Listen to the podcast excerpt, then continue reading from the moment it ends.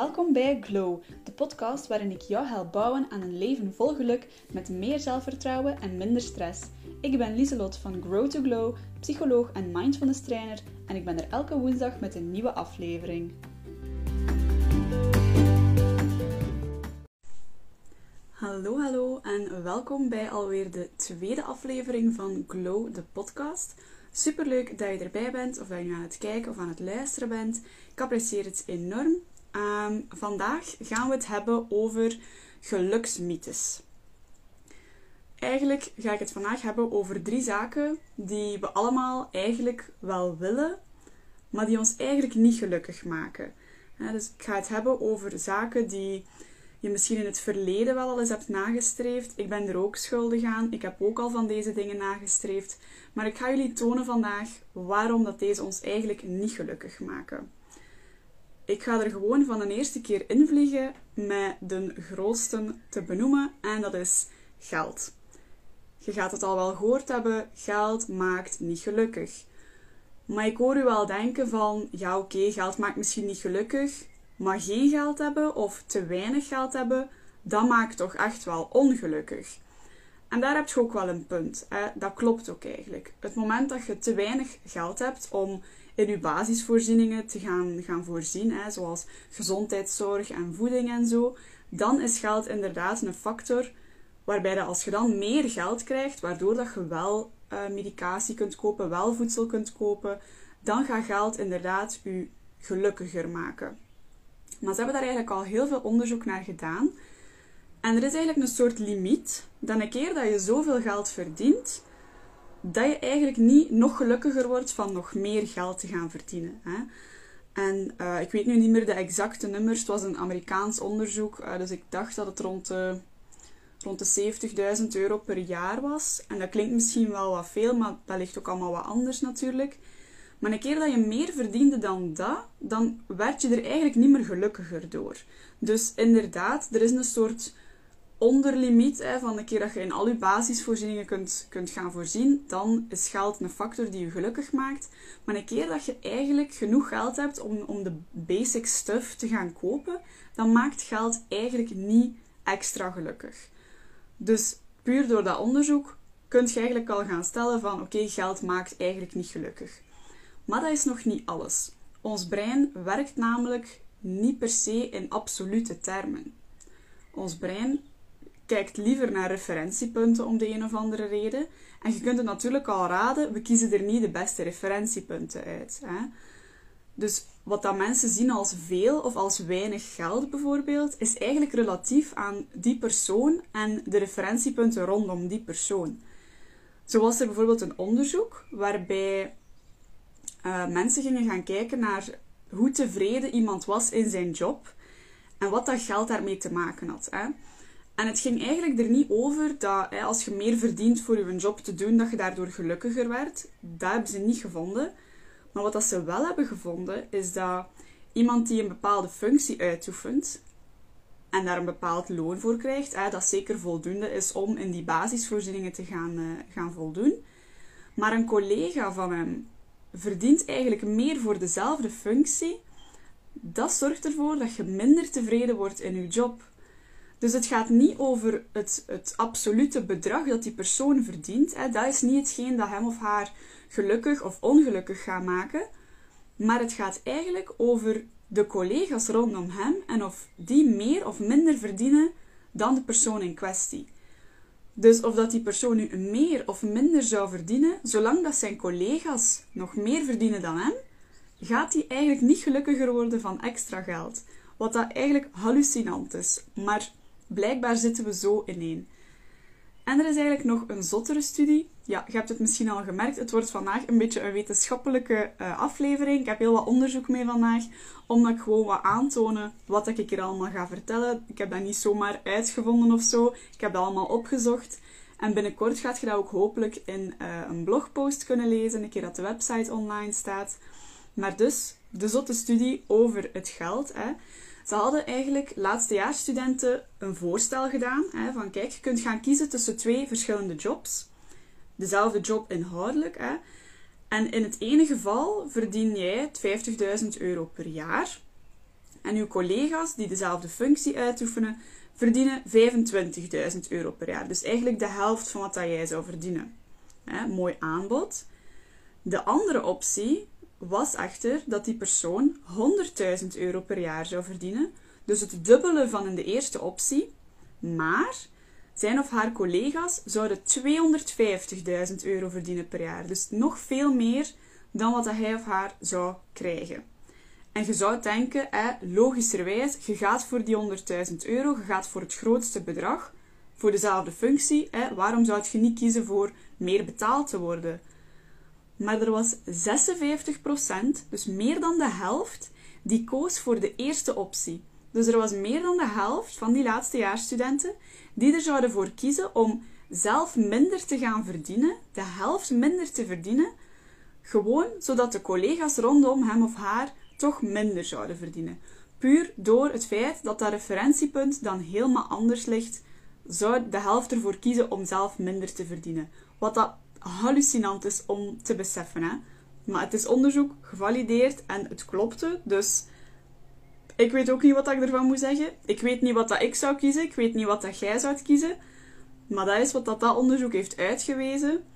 Dus ik zou durven zeggen dat geld niet gelukkig maakt. Oké, dat was de eerste, Sava, hè? maar er zijn er nog twee dat ik wil tonen vandaag.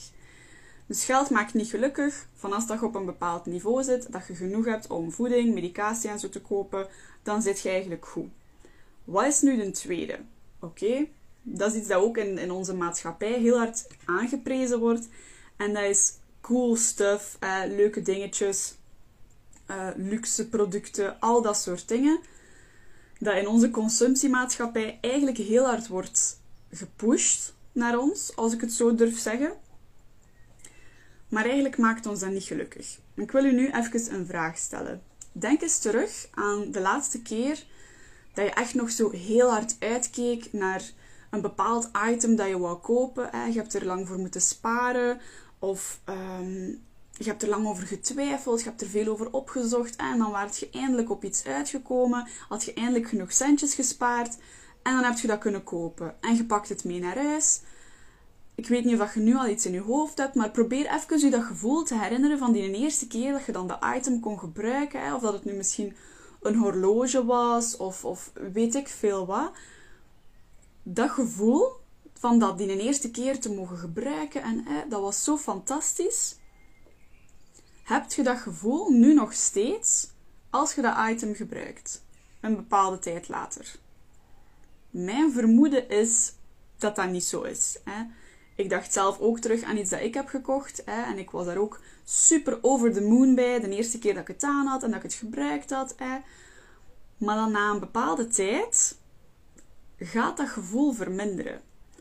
En dat proces waarin dat we eigenlijk gewend raken aan iets, noemt hedonistische adaptatie. Ik weet het, het is een rotterm, het is super moeilijk, maar bear with me. Die hedonistische adaptatie is eigenlijk een proces waarin dat je zowel aan de positieve als de negatieve dingen in je leven gewend gaat raken. En dat is eigenlijk een heel goed iets, want stel je voor dat elke keer dat er iets slecht gebeurt in je leven en je zit daar even van overhoop, dat dat gevoel niet zou weggaan. Dan zou je leven denk ik geen pretje zijn. Maar het jammere is dat we ook gewend raken aan die leuke dingen in ons leven. Dus als je iets cools koopt, iets nieuws koopt, een leuk hebben dingetje dat je al kei lang wou, dan is dat heel leuk in het begin en dan ben je overweldigd door al die leuke gevoelens. Maar na een tijd heb dat ook weer weg. Dus dat is een goed principe, zodat je niet altijd emotioneel zult overspoeld raken door van alles. Maar daardoor gaat onze excitement, ons enthousiasme, onze blijheid ook gaan dalen bij de dingen dat we kopen. Dus ik zou durven zeggen dat cool stuff, die leuke hebben dingetjes, ons eigenlijk ook niet per se gelukkig maken. Dan komen we bij de allerlaatste, en ik denk dat dat degene is dat de allermeeste mensen, zeker de vrouwen die aan het kijken of luisteren zijn, wel al ooit eens in hun leven zullen nagestreefd hebben. En dat is een bepaald uiterlijk. Een bepaalde beauty standard, of dat het nu gaat over een feature in je gezicht of een bepaalde maat dat je wou nastreven of een bepaald gewicht of weet ik veel wat. een bepaalde beauty standard dat jij ooit eens hebt nagestreefd. Misschien heb je het zelf ook al ondervonden, misschien nog niet, maar dat maakt ons eigenlijk niet gelukkig. Er was een bepaald onderzoek waarin dat ze vrouwen voor enkele minuten gewoon naar bepaalde modellenfoto's lieten kijken en ze hadden hun humeur daarvoor en daarna gemeten. En voordat ze naar de modellenfoto's keken, was hun humeur, laat ons nu zeggen, rond de 2,4 op 4. Sava, dat is niet top, maar ook niet slecht.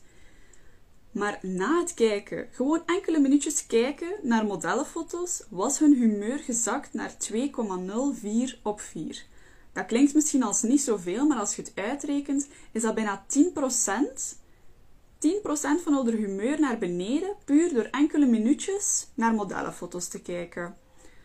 Nu, toen was de social media nog niet wat het vandaag is.